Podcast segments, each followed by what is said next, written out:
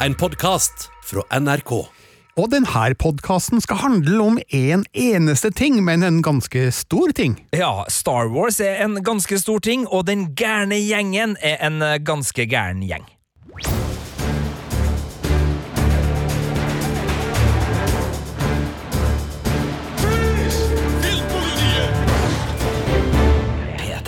Ja, Star Wars, den gærne gjengen, er nå tilgjengelig på Disney pluss.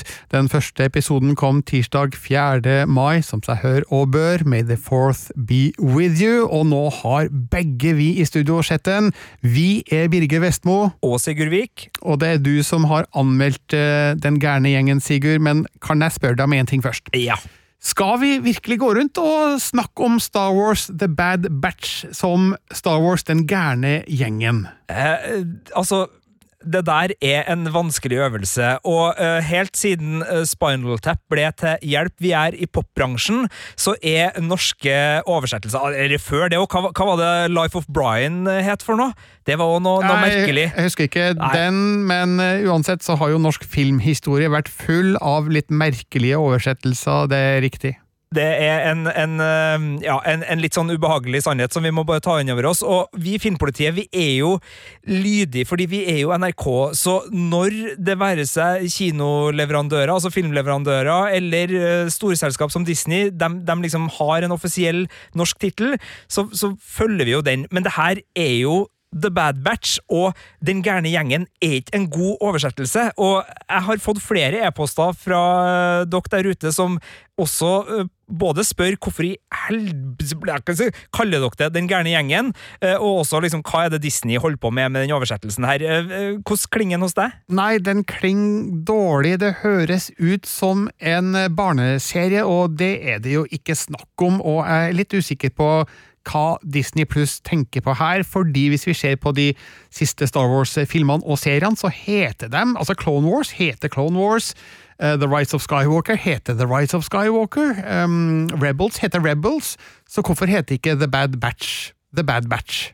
Eh, altså, uh, det er uh, merkelig, og i hvert fall som flere altså Star Wars oversettes jo ikke, så det er jo ikke Stjernekrigen, den gærne gjengen.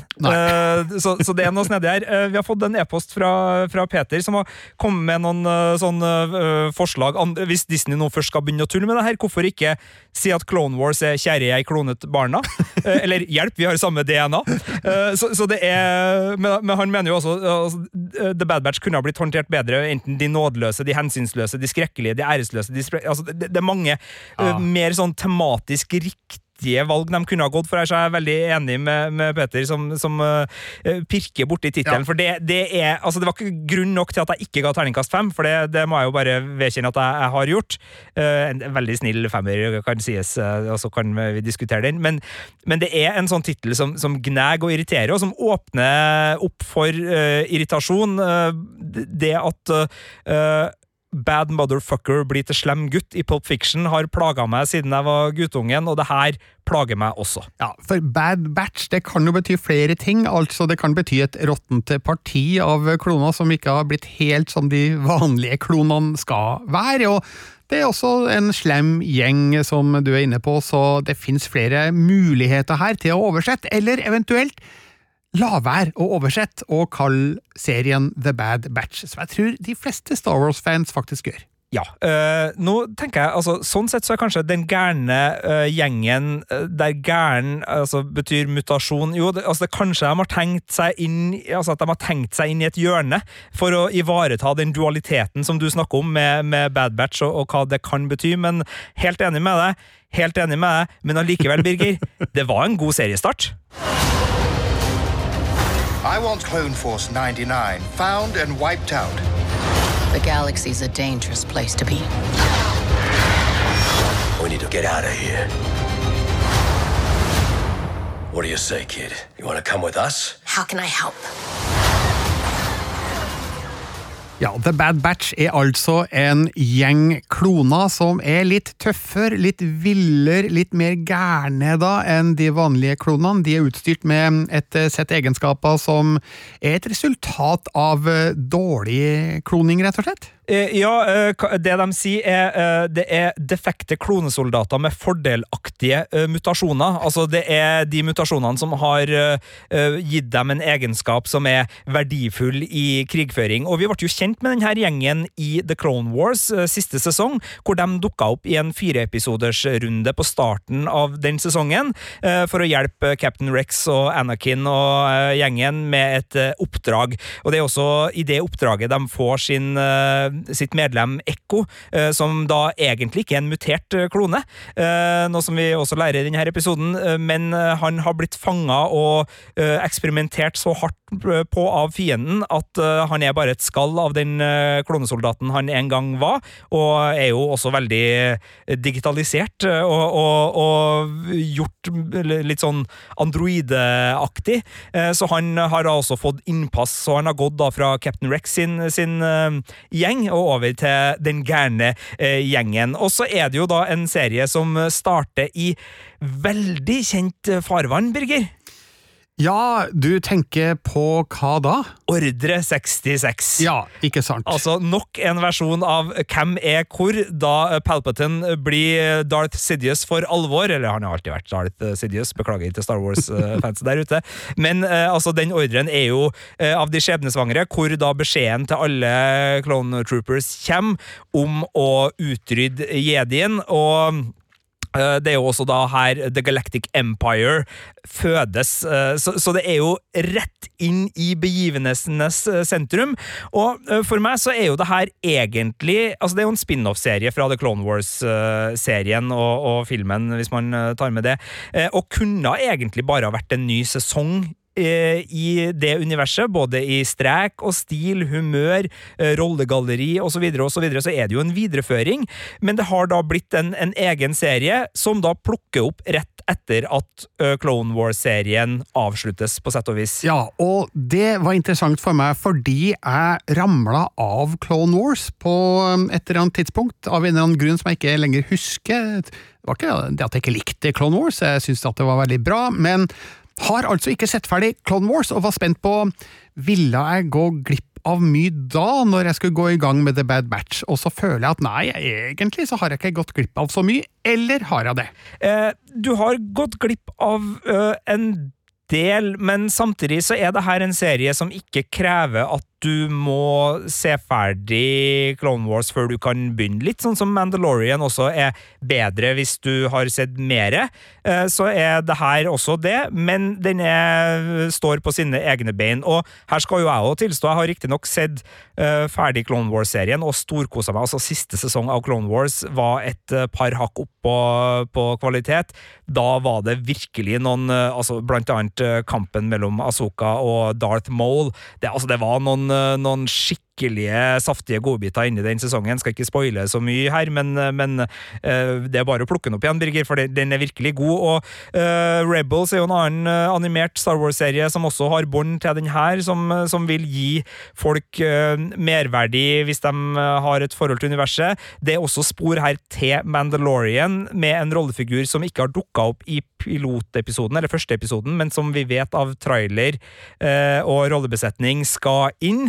Eh, og likedan så er det jo flere kjente fjes her fra eh, ja, eh, den originale Star Wars-filmen fra 1977, eh, New Hope. Så det her er jo en serie som plasserer seg veldig inn i kjernen av alt som er Star Wars, og i tillegg til å ha alle disse båndene og foregå i en så sentral del av historia, så er det jo da nok en serie hvor en gjeng opprørske typer eh, får ansvaret for en eh, ung, lovende person som har spesielle evner, så det er jo også et eventyr som stinker, og da mener jeg på godt vis, eh, George Lucas i alle ledd her, og hans type eventyr, altså hvilken historie er det han ønsker å fortelle, hvilke narrative strukturer er det som er på plass, og, og eh, hvilke helteroller og håp er det han eh, setter i gang her.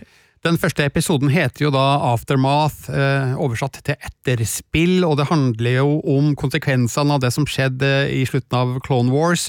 Vi blir introdusert for eh, The Bad Batch i noen heftige kampscener rett før den berømte ordren blir satt ut i live, Og eh, jeg føler jo at eh, serien står med en solid fot planta i Star Wars eh, Cinematic Universe, samtidig som den jo er i et serieformat, for det her er stort, og det er bredt, og det er kostbart animert.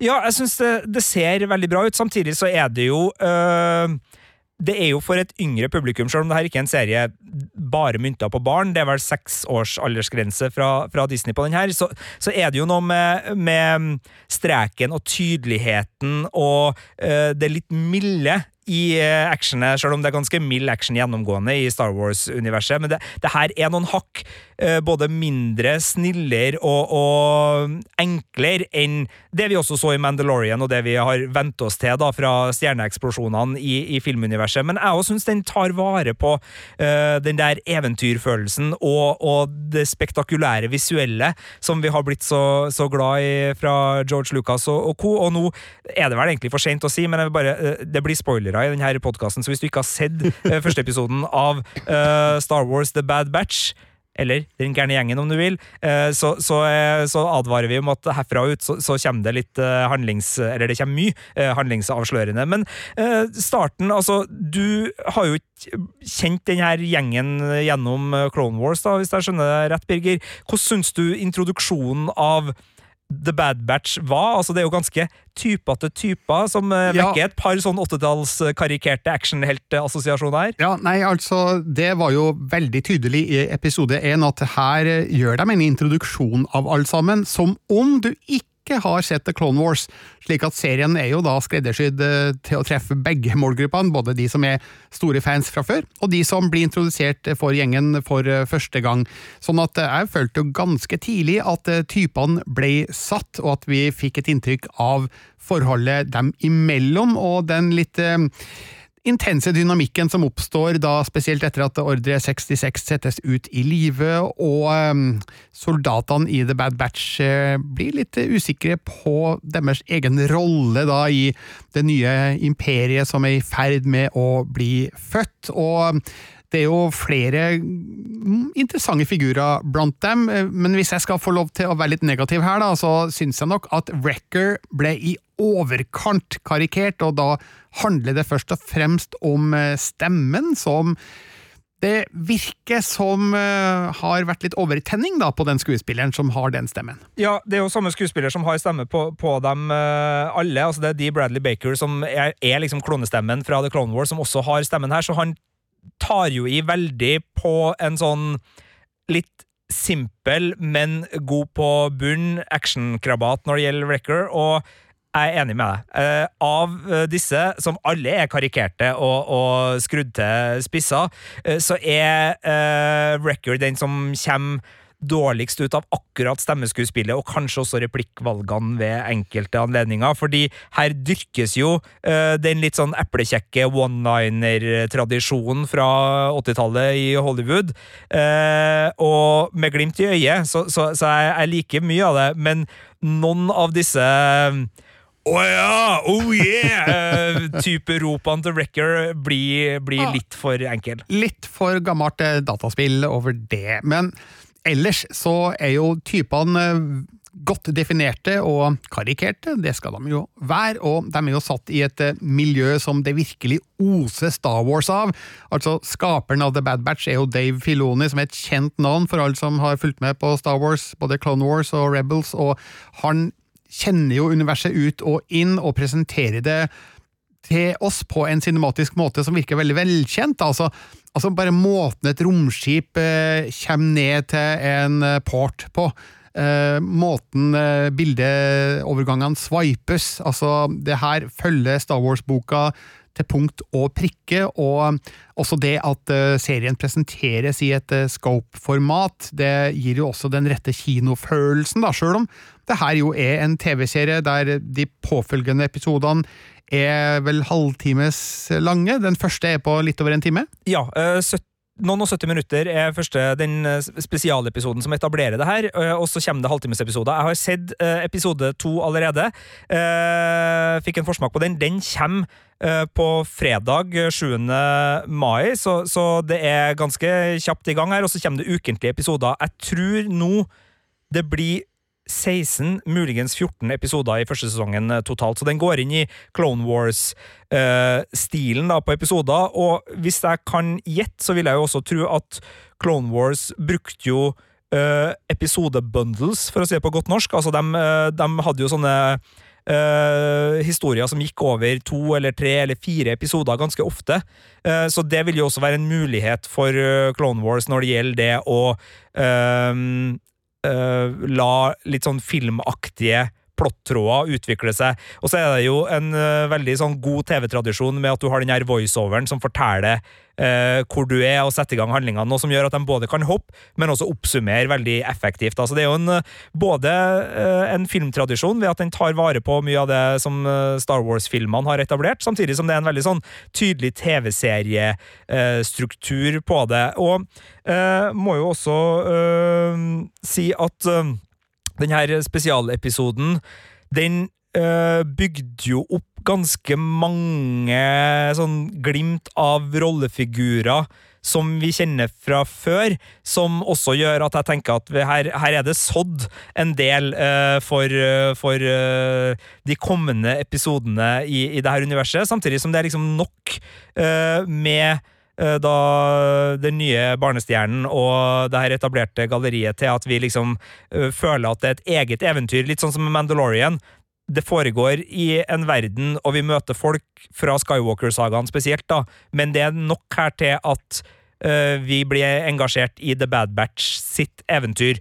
Jeg må bare spørre deg om en ting, Birger. fordi um, Disney har jo rettigheter til nesten alt. Og, og samtidig som de slapp uh, den her, så slapp de jo en Simpsons Star Wars-episode. For det kan Disney gjøre nå. De eier både Fox og Lucasfilm, og da kan de holde på sånn.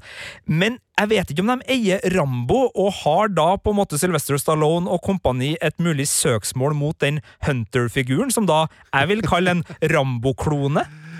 Kanskje det, det har jeg ikke oversikt over, men eh, når du sier det, så er det jo noe Rambo-aktig over Hunter, det, det, stemmer nok. Så vel, du kan se på det som en homasj, da, en hyllest til Rambo, eller så er den da basert på den arketypen da, om den litt langhåra, rufsete slåsskjempen som eh, som vi, som vi, liker, sjøl om uh, han er litt skummel. Ja, men Han er jeger, han er så årvåken. Han, ja. han har så skjerpa sanser. vet du. Men uh, vi kan jo gå gjennom episoden sånn i veldig grove trekk og, og si litt hva vi syns. Og så kan vi jo ende opp da med at du enten uh, si, Sigurd, du ga det her terningkast fem, det er feil, du har sparken. Eller så kan du nikke anerkjenne. Det er helt opp til deg, Birger. selvfølgelig. Ja, det blir spennende. Ja, Men det her starter da på planeten Kaller, hvor Uh, Jedi-krigeren, eller ridderen, uh, Depa uh, Bileba hvis det er uttalt det riktig, håper det. Uh, sammen med sin padawan Caleb uh, Dume, uh, slåss sammen med da en, en gjeng uh, klonetroppere. Er litt i hardt vær. Det her skjer sånn cirka samtidig som Obi-Wan Kanobi har uh, begynte sitt slagsmål med General Grievous, som vi da kjenner fra, fra Skywalker-sagaen. Uh, så, så vi, vi, er liksom godt inne i høydramatisk på tampen av uh, republikken her. og så er det da The Bad Batch som kommer rullende ned fra åssida og snur en, en pot et potensielt tap til en ganske effektiv og heftig seier. Ja, det er riktig. Og så skjer det jo da det fatale rett i etterkant at ordre 66 settes ut i drift. Klonene snur seg mot jedi-ridderen, og Caleb Doom han unnslipper, blir forfulgt av eh, The Bad Batch. Hunter lar han stikke av, men lyg om det når han blir spurt om det seinere. Og grunnen til det er vel kanskje fordi eh, tror du da samvittigheten til Hunter slår inn her? Ja, eh, altså det her er jo eh, Altså Ordre 66 blir jo gjennomført fordi alle Clone Troopers har en, et implantat i, i, skallen som lar eh, Darth Sidious eh, sin onde plan eh, utføres med et knips. Men som vi får vite litt senere i episoden, eh, det er jo ikke sånn at disse mutantene har den, det implantatet intakt på samme måte som en vanlig Clone Trooper. og for flere av dem så, så skjer jo ikke denne ordren. Altså, de, de får ikke opp. Så tyder det jo på at eh, Crosshair, altså skarpskytteren i gjengen, eh, han er nok den med mest intakt eh, chip, da, og kanskje også minst intakt moralsk eh, kompass. Good soldiers follow orders, osv., osv. Mm, ja. Eh, Så, så det blir jo en spenning innad i gruppa der, men jeg tenker i hvert fall Hunter og de andre eh, De er vel bare i sjokk og vantro over hva som skjer, og skjønner ikke hvorfor det som var deres eh, på en måte ledsager på nye eventyr, plutselig skal bli eh, en, et, et mål, eh, og stiller da spørsmål eh, ved ordren, og, og blir da eh, ordrenektere da, i, i, ved, ved å la Caleb slippe unna. Eh, og så var det jo en overraskelse for meg, for jeg husker jo ikke navn så veldig godt, men fant jo raskt ut av etterpå at eh, Caleb er jo ikke en hvem som helst i eh, Star Wars-universet. Det her er jo eh, Kanan Jarrus, eh, som er helten i de innledende rundene av eh, Rebels-serien, og en eh, viktig eh, fyr når det gjelder starten på, på opprøret. Eh, Og det er vel også Freddy Prince Jr. som er stemmen, eh, akkurat som i, i Rebels, på Caleb i denne etableringsscenen. Så det er jo nok en sånn artig link da, som, som åpner opp for dem som er større Star Wars-fans enn oss, Birger, og som virkelig liker både litteratur, tegneserier, tegnefilmer og, og filmer. Ja, må bare skyte inn her til eventuelle hardcore Star Wars-fans som hører det her, så vi er litt mer sånn casual fans. Ja, vi er casual fans. Ja, Vi har ikke all den her eh, dyptpløyende, inngående, detaljrike kunnskapen om Star Wars eh, som kanskje andre har, men eh, vi er veldig glade i casual fans, i hvert fall. Ja, og så har vi dårlig hukommelse, noe som heller ikke hjelper. Så, så ting vi liksom øh, øh, sjekka ut og snakka om i eksempel vår Mandalorian-podkast, som øh, det finnes mange episoder av her i appen NRK Radio, så kan det jo hende at vi har glemt det nå, da. Ja, det kan det hende. Har vi kommet dit hen at uh, The Bad Batch eh, forflytter seg til Camino? Ja. Hunter, Tech, Wrecker og Crosshair de uh, kommer til sitt eh, Hva skal vi kalle det? Hovedkvarter på Camino? Jeg har skrevet hula til gutta her. Jeg har Ja. skrevet inn eh, notatene her. Altså, de, eh, de har jo eh, et slags sånn militærbrakkeanlegg på Camino som bærer preg av hvem det er som bor der, der de risser inn oppdrag i, i veggen og har kosedyr som man kanskje ikke skulle tro sånne store kjempekloner har, men det er liksom deres Ja, Turtles hadde jo kloakken. Det, det, det er liksom viktig for en sånn gjeng å ha et, et et hjem, da, og etter hvert så skal vi vel få mer sånn eh, Millennium Falcon-hjem på dem, i og med at de blir, blir, ut, eh, blir reisende nomader, men, men enn så lenge så er det her hjemmet deres. Og de eh, kommer jo der, ser at det er flere Jedi-krigere som har falt. Det er blant annet ei som, eller en som bæres ut på en båre, tilsynelatende død.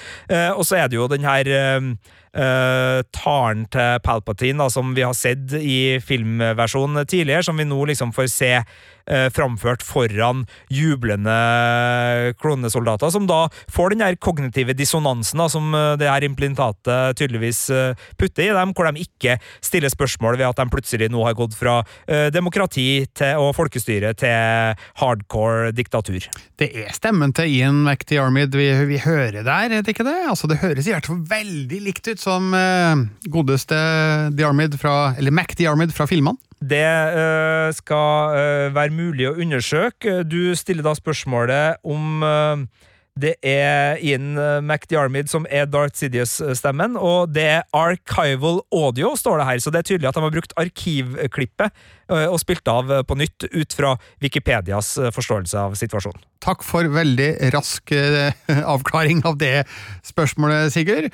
Eh, på Camino så ser vi jo at eh, The Bad Batch eh, blir kjent med en ny figur av eh, litt mindre målestokk. Ja, eh, Omega er jo eh, det som tilsynelatende er eh, Anakin, Luke, Grogu-varianten i denne historien. Altså barnet som har spesielle egenskaper, og som må tas vare på, kanskje trenes, kanskje settes i forbindelse med sine krefter, alt avhengig av hvilken fanteori du har tenkt å, å hive deg på etter episode én.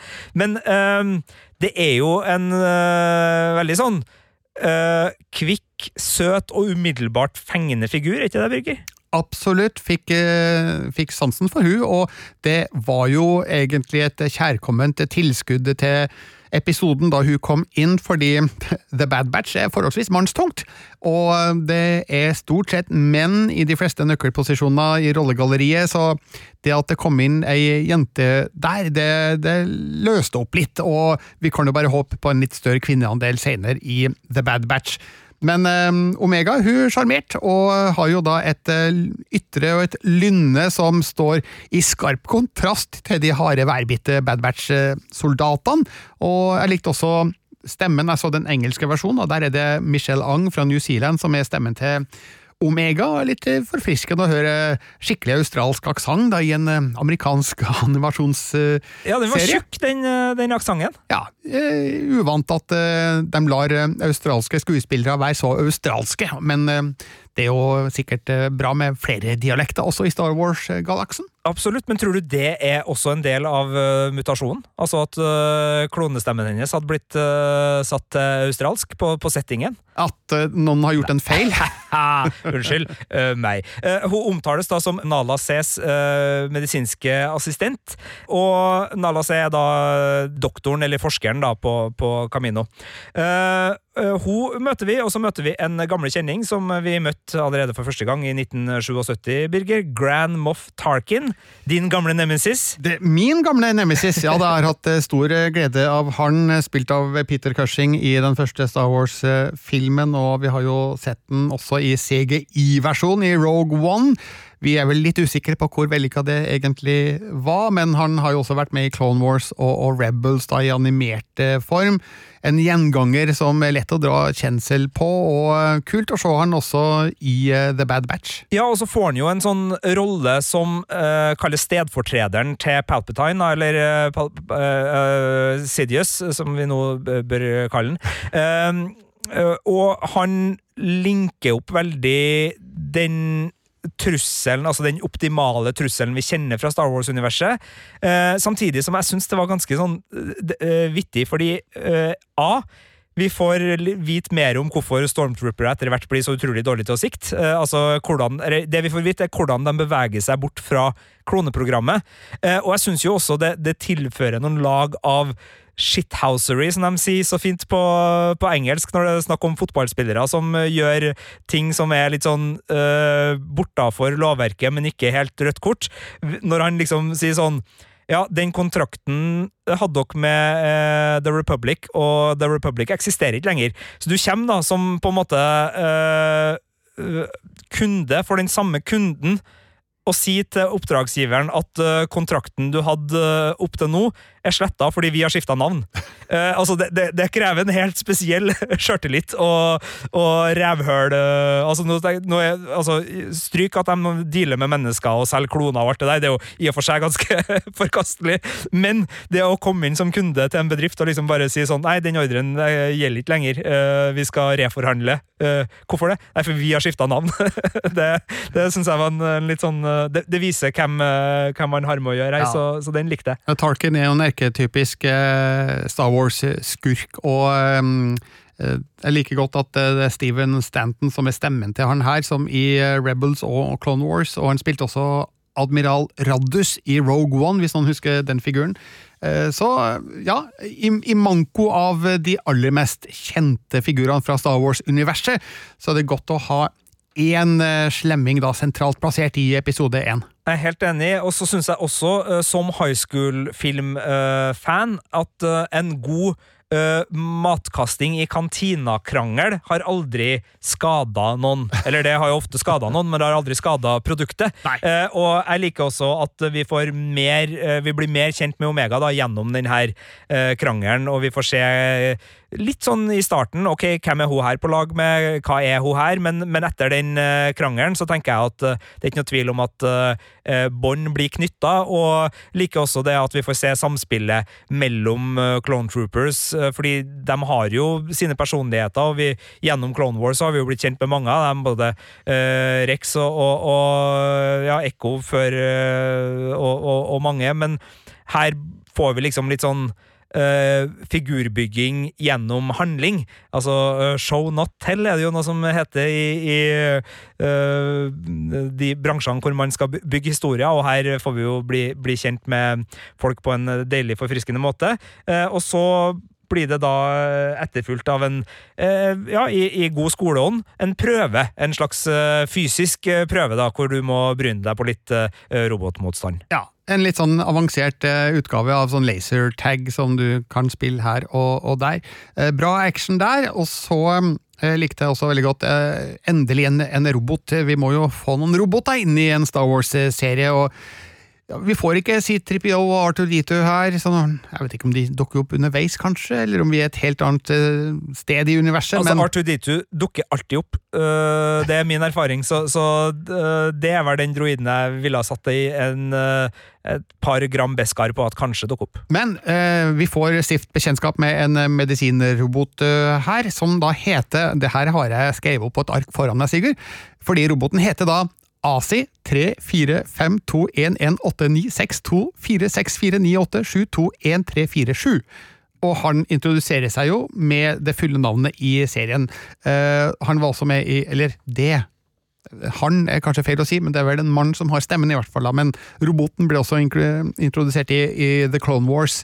Og um, bare nok et tegn på at eh, ja de følger oppskrifta i um, The Bad Batch. Eh, Robotene skal med. Ja, øh, veldig oppskriftsmessig, og det her er jo en likende robot som øh, er veldig sånn lydig, men kan overtales. Så det, så det er en sånn fin liten sånn vri på den der AI-biten med liksom øh, does not compute-svar man kan få av enkelte. Eh, Så det er også i god R2D2-ånd, da, med at her er det et intellekt som utvikler seg. Nå er jeg litt usikker på nummereringa, om det her er akkurat den samme eh, roboten som vi møtte i Clone Wars tidligere, men jeg vil jo tro det. Samme robottypen, i det minste. Jeg har ikke minste. et klart svar på akkurat det. Nei, og det er jo også en robot med lojalitetsfølelse, som vi får se senere i episoden.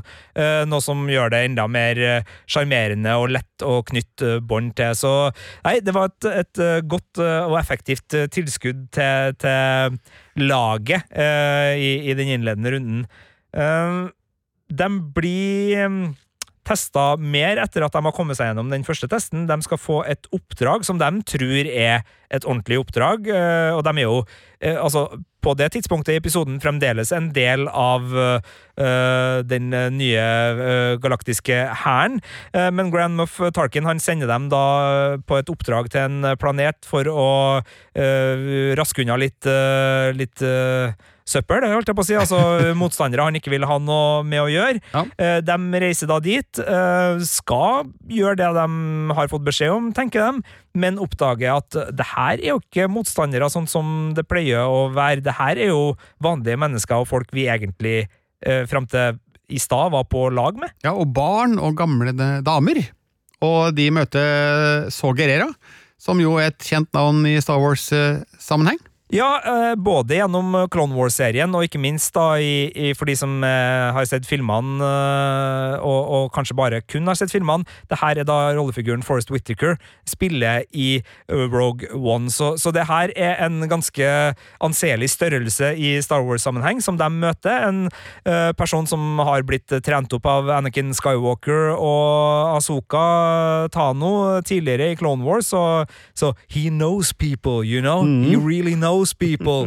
Eh, og, og blir jo også da en viktig motstandshelt, eh, helt på sett og vis, samtidig som det her er jo en av de mer nyanserte rollefigurene i, på opprørersida i Star Wars-universet, så det er jo eh, også en, en rollefigur som eh, bidrar til å liksom ikke gjøre det så enkelt som å si at uh, dem er gode og dem er ond. Uh, han, han har jo noen metoder, så Guerrera, som, eh, som er ja, interessant å, å diskutere på etikkseminar og sånn. Han, han beskrives vel som en radikal frihetskjemper, men altså, han ligner slett ikke på Forrest Whittaker i The Bad Batch. Eh, Jeg vet ikke hvordan han så ut i Clone Wars og Rebels, eh, men eh, Nei, han, han er ivaretatt uh, fra Clone Wars, uh, sånn som jeg uh, husker den. Så, det, så det, der er det animasjon versus real life som er ulik, da. Men sånn er det jo med mange av øh, figurene. Eh, Anakin har vel en til dels overlapp, og, det er klart med det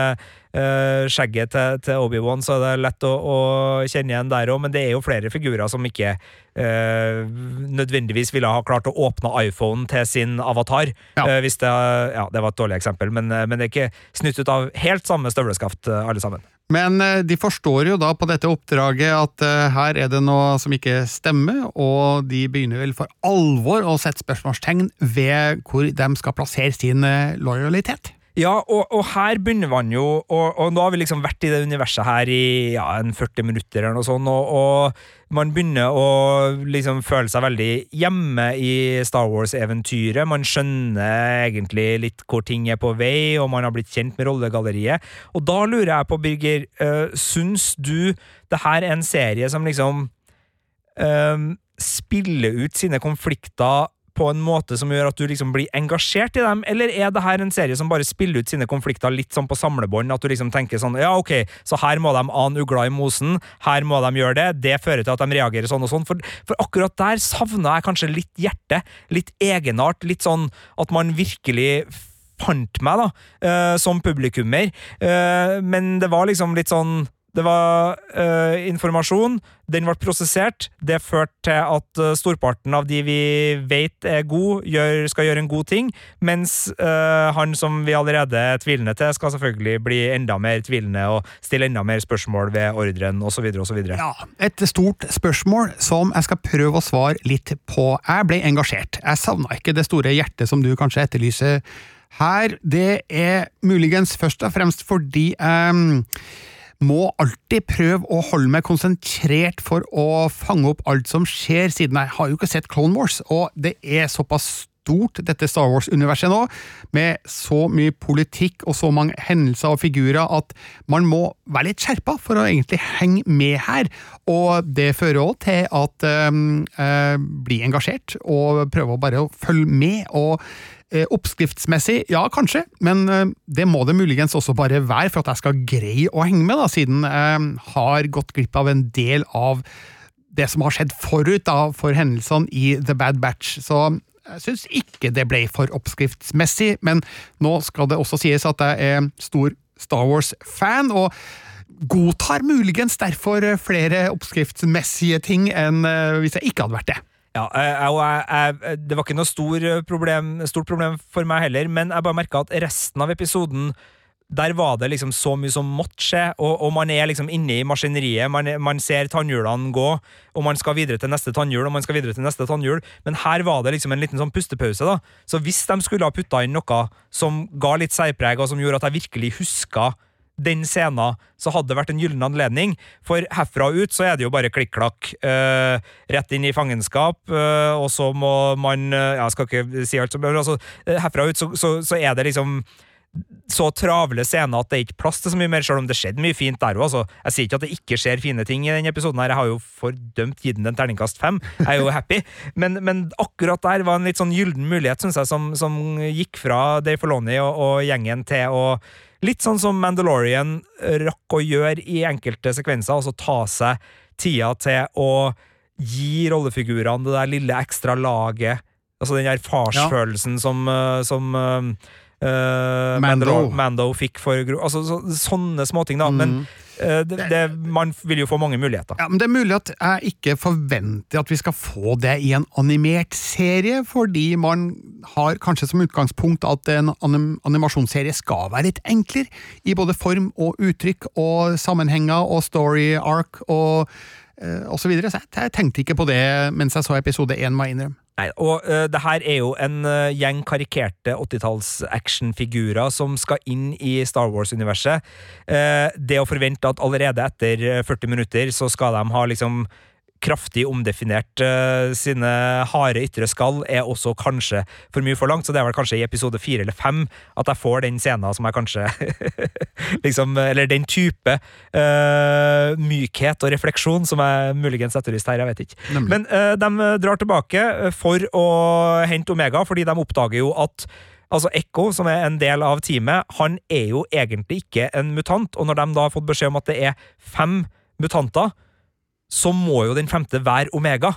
Eh, altså, de eh, har eh, rett og slett eh, en, eh, en eh, bror, for å si det kjønnsnøytralt. Altså en medsoldat som er igjen på, på skipet, som selvfølgelig må fanges. Så da reiser de tilbake til Camino, inn i Løvens hule, sammen med en crosshair som begynner å bli farlig nær eh, overløper, Ja. og vi får jo også vite at han er den som har eh, sagt fra om at de ikke fanga Caleb i starten. Altså, han, han er allerede i, eh, i motstand mot sin eh, troppleder Hunter, og, og Grand Moff Tarkin eh, tar jo da grep på Camino og sørger for at han blir adskilt fra gruppa, og, og blir skrudd opp, da, som boosta chipen litt. Men der skjer det jo noe veldig spennende, Birger. Omega sier til Crosshair I know what you're going to do, please don't, og gir jo inntrykk av at hun ser inn i framtida, eller kan lese personligheter så godt at hun kan spå hva de skal gjøre. Ja, det er riktig, men eh, vi får jo ikke noe informasjon om hvorfor hun veit eller tror det her. Da kan jo det her være en god tidspunkt å, å snakke bitte litt fanteorier. Ja. Uh, for dem er det en del av på internett. Uh, og den store fanteorien når det gjelder Omega, er jo at Omega er force sensitive, og at uh, hennes klone ikke nødvendigvis bare er fra uh, Ja, hvem skulle det være fra? Altså Django Fett pluss uh, noe, no annet, hvem vet? Eh, sveisen gjør jo at mange tenker at her er enda en av Palpatines sine eh, meg sjæl-type midiklorinaktige greier, eh, hvor det da kan være snakk om eh, en person som eh, da har eh, spesielle egenskaper som gjør at eh, hun kan kjenne eh, kreften, se litt inn i framtida og eh, treffe veldig godt når hun skyter, for det skjer jo også litt etterpå. Eh, hva tenker du om den type fanteorier så tidlig i en helt ny Ja, serie som ikke handler om eh, Jedia eksplisitt? Det er tidlig i en serie som ikke eksplisitt handler om jedia, men eh, jeg har, ikke tenkt over det med håret før du sa det nå, men ja, jo, samme frisyre som far sin, eller eh, altså far i hermetegn da, eller er det enda en, eh, Donøren. En, enda en ekte datter av Palpatine i Star Wars-universet? ja. Ja, søstera til Ray, som er da eh, på en måte skjult som en eh, klone i Camino. Nei, altså, det her var mange spørsmål på en gang, men Ja. eh, klart Nei, jeg skjønner jo at konspirasjonsteoriene raser, og det at hun viser tegn til eventuell kraftsensitivitet, det, det vil jo eventuelt kunne forklares da med en tilknytning til Palpatine, så to be continued. Ja, det eneste som kan sies å være en liten sånn uh, mot... Eller det er ikke det eneste, for det her er jo tross alt en fanteori som vi ikke har belegg for, men det som kan tale imot det her, er at uh, det er jo George Lucas sjøl som har eh, vært med og utvikla denne uh, gjengen og denne serien, da. Og Lucas skal visstnok uh, ha sagt at eh, de her muta- mutantene skal liksom ha spesielle egenskaper, men de skal ikke være superhelter. Og da blir det jo en interessant greie hvis uh, man lar en av disse mutantene få jedi-krefter. Er det en slags superhelt, og er det å liksom gi denne gjengen for mye makt? da, og så de, går de da på en måte utenpå det å være den der troppen med elitesoldater med unike egenskaper som gjør at de som enhet, for det er jo det som er så viktig med The Bad Batch, det er jo som enhet, og når de kjemper sammen, det ser vi jo når de flykter fra cella òg, når de samarbeider, det er jo da de er uh, like effektiv som en jedi eller to. Uh, så, så det kan jo tyde på at det kanskje her er bare snakk om at Omega er en mutant med noen helt uh, utrolig gode eh, sanselige egenskaper. Eh, allerede på starten så får vi jo et inntrykk eh, gjennom eh, måten hun introduserer seg på, at hun er veldig årvåken og vet ting. Som kanskje ikke på en måte står skrevet i, i stein. Så, så det er mange muligheter her. Så vi sier ikke her i uh, Filmpolitiets podkast at uh, Omega garantert kan bli uh, Jedi om, om en stund, men, men det er en, en, mulighet som sirkulerer i, i fanteorikretsen. Ja, det er i så fall en interessant historiebue da, som kan ligge i vente da, for Omega-figuren. og det får vi vel kanskje svar på i løpet av de neste 14-15-16 episodene, eller hvor mange det enn nå som kommer. Men eh, som opptakt så syns jeg jo den første episoden fungerer aldeles eh, utmerket, fordi den tegner opp universet og figurene som skal bevege seg rundt i det, på en veldig uanstrengt måte. Det merkes jo at den er laga av folk som kan Star Wars, og som har erfaring med en historiefortelling som passer innafor de rammene. Eh, men nå er det jo du som har anmeldt episode én, eh, Sigurd. Er jeg inne på noe? Ja, jeg, jeg syns det, og, og, jeg anmeldte jo uh, episode én og to. Uh, og uten at jeg skal si noe om episode to her nå, som da går over Jeg kan si at den går over i mer tradisjonelt Clone Wars-landskap når det gjelder lengde og tempo og størrelse på, på oppdrag. Men, men, jeg syns jo det her videreføres også i, i episode to, så, så det var ikke noe med den som gjorde at jeg Uh, rygga. Det er jo riktignok ei scene i episode to som jeg har et stort problem med, men det, det uh, må vi komme tilbake til. Det må vi komme tilbake til. Men, men, jeg liker det, og jeg liker også sånne ting som Altså, uh, i denne flukta, da, så, så, blir jo Crosshair til en slags Winter Soldier. Altså, de spiller opp han som motstanderen som var venn. Altså, han er, han er Bucky som blir Winter Soldier, på sett og vis, selv om han aldri var Bucky-Bucky. Men, men det, er en, det er en god rollefigur å ha eh, som antagonist i en eh, sånn her type serie. At det er fra sine egne man skal få det. Og så syns jeg det er kjempespennende at Nala C, som da er assistenten til statsministeren på Camino, og, og da sjefsforskeren deres, hjelper The Bad Batch å flykte. Altså Det er hun som uh, sørger for at uh, porten ikke går ned. Uh, og det er et, en sånn blikkveksling mellom Nala C og, og, statsministeren der på, på tampen også, som gjør at man ser at her er det et eller annet Muligens, uten at det, det, sies helt. Så det gjør jo at en person som alltid har ligget i litt det der corporate-skurkelaget av eh, Star Wars Altså, eh, er det hennes bånd til Omega som gjør at hun eh, hjelper? Er det hennes bånd til uh, kloneprosjektet, fordi hun nå ser at kloneprosjektet skal avvikles av uh, Darth Sidious, og at det ser ut til at de skal på en måte, altså at Caminos storhetstid som økonomisk makt da, på grunn av klonepenger er i ferd med å, å, forsvinne, og kanskje hele deres livsgrunnlag. Så, så det, det, det, er mange sånne små spørsmål som dukker opp på tampen her, som gjør at jeg er helt enig med at verdensbygginga, eller i hvert fall den mulige verdensbygginga i ytterkanten av Skywalker-sagaen, sagaen får sånne små boost og sånne små litt sånn magekriblingsgreier. Å, kanskje det! Å, kanskje det! Så, så jeg liker det veldig, veldig godt, og så syns jeg jo det er Uh, veldig fin sånn Det er to sånne småting som skjer helt på slutten som er veldig barnevennlig, men allikevel som er likt. Det ene er det teite med at uh, Wrecker får bamsen sin av uh, Omega, og dermed så er et bånd mellom dem Eh, bygd. Eh, han er jo kanskje eh, ikke så vanskelig å vinne over i utgangspunktet, så lenge du er på samme lag, men, men det, det, gir en sånn ekstra dimensjon til deres vennskap. og så er det den barnlige gleden ved at Omega for første gang skal av uh, Camino-planeten og sette seg, og du ser i øynene hennes. Uh, det her fantastiske motivet som er hyperspace i Star Wars. Altså den, mm. den fargefesten ja. av å reise uh, Eh, på, med, med, Ja, ikke lysets hastighet, for det, det, er raskere enn som så. Ja. Det jo, og den minner meg litt om den der samme magekriblinga som jeg fikk på den der trailerstemmen til Harrison Ford. Det var vel på The Force Awakens. Den der The Jedis.